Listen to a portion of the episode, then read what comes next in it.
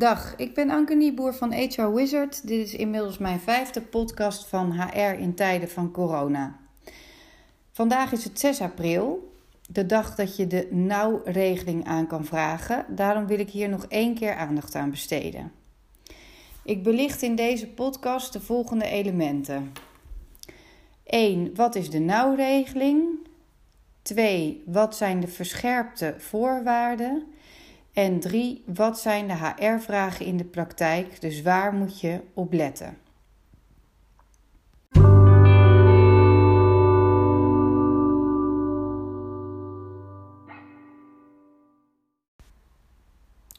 Wat is de nauwregeling? De nauwregeling was al in grote lijnen bekend. Je kunt ook podcast nummer 3 terugluisteren als introductie. De nauwregeling is bedoeld om werkgevers die te maken hebben met omzetverlies tegemoet te komen in de loonkosten, zodat werkgevers hun werknemers met vast en flexibel contract kunnen doorbetalen. De nauw komt in plaats van de regeling voor werktijdverkorting en de regeling van voor werktijdverkorting is dus gestopt. De nauwregeling is een tegemoetkoming van de loonkosten en is afhankelijk van het omzetverlies. Als 100% van de omzet wegvalt, bedraagt de tegemoetkoming 90% van de loonsom van de werkgever. Als 50% van de omzet wegvalt, bedraagt de tegemoetkoming 45% van de loonsom van de werkgever. En als 25% van de omzet wegvalt, bedraagt de tegemoetkoming 22,5% van de loonsom van de werkgever. Valt minder dan 20% van je omzet weg, dan kun je geen beroep doen op de nauwregeling. Om te bepalen wat jouw omzetdaling is, wordt er gekeken naar dezelfde periode in 2019. Dus stel je wil april, mei, juni kijken wat de omzetdaling is, dan wordt er gekeken naar jouw omzet van april, mei, juni 2019 als referentiepunt.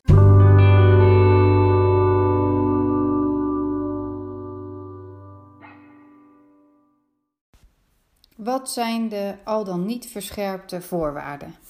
De tegemoetkoming wordt toegekend voor een periode van drie maanden. Dat wisten we al. En in principe voor het tijdvak maart, april, mei. Maar je kan deze periode ook later in laten gaan, wanneer je later last hebt gehad van significant omzetverlies. Het blijft wel een periode van drie maanden. Dus bijvoorbeeld maart, april, mei of april, mei, juni, die eventueel nog te verlengen is met nog een keer drie maanden. Een tweede punt is dat het voorschot nu gedefinieerd is. Je krijgt een voorschot van 80% van de ingeschatte kosten op basis van jouw loonsom in januari. En om de hoogte van het voorschot te bepalen, wordt er dus gekeken naar de loonsom van januari, want deze is inzichtelijk voor zowel de Belastingdienst als het UWV. Later wordt er dan gecorrigeerd naar de daadwerkelijke tegemoetkoming waar je recht op hebt, want je loonsom van maart of april of mei is niet gelijk aan die van januari. Dus de daadwerkelijk uitbetaalde loonsom kan anders worden dan de referentie die gebruikt wordt in januari. Ik zal het even toelichten met een voorbeeld. Stel je had nog wat omzet in maart, maar in april is de omzet helemaal weggevallen. Je besluit om compensatie aan te vragen voor de periode april, mei en juni. In april heb je een loonsom van 80.000 euro. Dan kun je dus 90% van die 80.000 euro als tegemoetkoming krijgen. Als je dit uitrekent, 90% van 80.000 euro, dan heb je recht op 72.000 euro. Echter, die tegemoetkoming kan je nog niet exact krijgen. De overheid werkt eerst met een voorschot en gaat kijken naar jouw loonsom, welke bekend is bij het UWV en de Belastingdienst, van de periode januari. Dus stel, je had toen een loonsom van 90.000 euro, dan wordt daar 90% over berekend. Dat zou neerkomen op 81.000 euro. Echter, Daarbij moet je niet vergeten dat je slechts een voorschot krijgt van 80% van dat bedrag. Als we weer 80% nemen van die 81.000 euro, dan wordt het dus 64.800 euro. Maar zoals in het begin van het rekenvoorbeeld uitgelegd, was jouw daadwerkelijke recht 72.000 euro. Je krijgt dan dus op een later moment een correctie van 72.000 euro min de al betaalde 64.800 euro, het voorschot, is 7.200. Het is een beetje complexe materie. Misschien moet je het voorbeeld nog een keer terugluisteren. En het is handig om hier dan ook mee samen te werken met een accountant. Daarnaast hebben ook de meeste bedrijven een accountantsverklaring nodig. Aangezien het nogal uit kan maken voor welke periode je de tegemoetkoming aanvraagt, zou ik je ook altijd adviseren om in goed overleg te gaan met je accountant of dan wel financieel adviseur.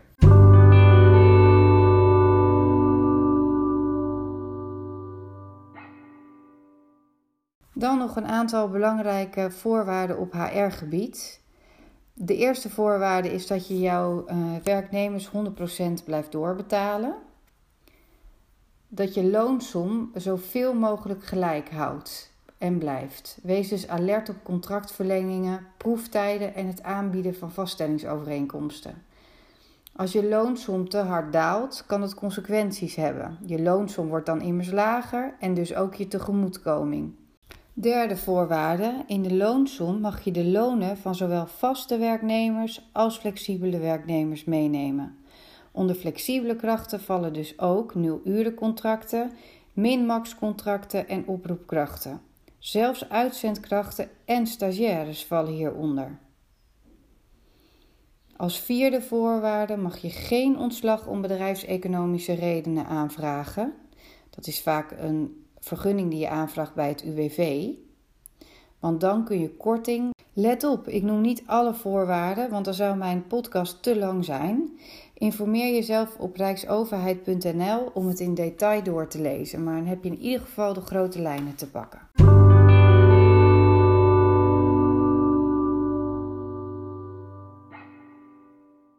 Nou, waar moet je nu op letten op HR-gebied als je één keer die nauwregeling binnen hebt? Ten eerste krijg ik uh, regelmatig de vraag: kan ik contracten nu nog opzeggen? Dat was nog onduidelijk, maar ja, dat kan dus. Zowel in de proeftijd kun je opzeggen als op het einde van een contract. Zorg er wel voor dat je je transitievergoeding blijft uitbetalen. Die plicht heb je nog steeds. En daarnaast heeft het opzeggen van contracten invloed op je loonsom. Dus ook op de hoogte van je tegemoetkoming. Als je allemaal contracten niet gaat verlengen of op gaat zeggen, dan heeft dat dus invloed op je loonsom. Uh, en dus ook op je vergoeding. Die vergoeding wordt lager. Vallen bonussen premies onder de noemer loonsom? Voor zover ik kan zien, valt het hier inderdaad onder. Eindejaarsuitkeringen worden momenteel niet uitgekeerd, dus die vallen in ieder geval voor de periode maart, april, mei of april, mei, juni, welke drie maand periode je ook gebruikt, hier dus niet onder. Want die worden meestal aan het einde van het jaar uitgekeerd. Dan de derde vraag die ik vaak krijg: valt vakantiegeld onder de noemer loonsom? In principe wel, alleen dit hangt wel ervan af hoe jij je vakantiegeld uitbetaalt. Doe je dat all-in, dus elke maand een beetje? Of bijvoorbeeld in mei, juni en reserveer je hiervoor geld? Dit is een fiscale kwestie, dus laat je hier goed adviseren door jouw accountant en lees de site van de Rijksoverheid er even goed op na. Er wordt dan namelijk gecompenseerd omdat je al een gedeelte inhoudt. Ofwel, er wordt met een 30% eh, bijdrage gerekend een beetje complexe materie. Dus lees de site van de Rijksoverheid en vraag er de hulp bij van een financieel adviseur. En dan de vierde vraag, die ik ook nog regelmatig krijg: voor welke werknemers is de regeling nu van toepassing? Dus het is voor mensen met een bepaalde tijdcontract, een onbepaalde tijdcontract, een flexibel contract. En onder flexibel contract is ook nul uren, min-max contract, een oproepcontract en zelfs een stagecontract. Um, dus het is een hele uh, brede, brede regeling en een brede tegemoetkoming.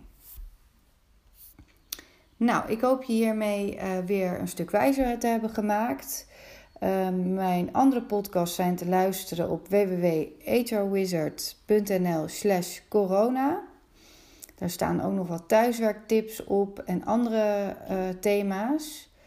Uh, mocht je nog meer hulp nodig hebben bij, bij HR in tijden van corona, dan kun je uiteraard altijd contact met me opnemen op e-mailadres anke.hrwizard.nl.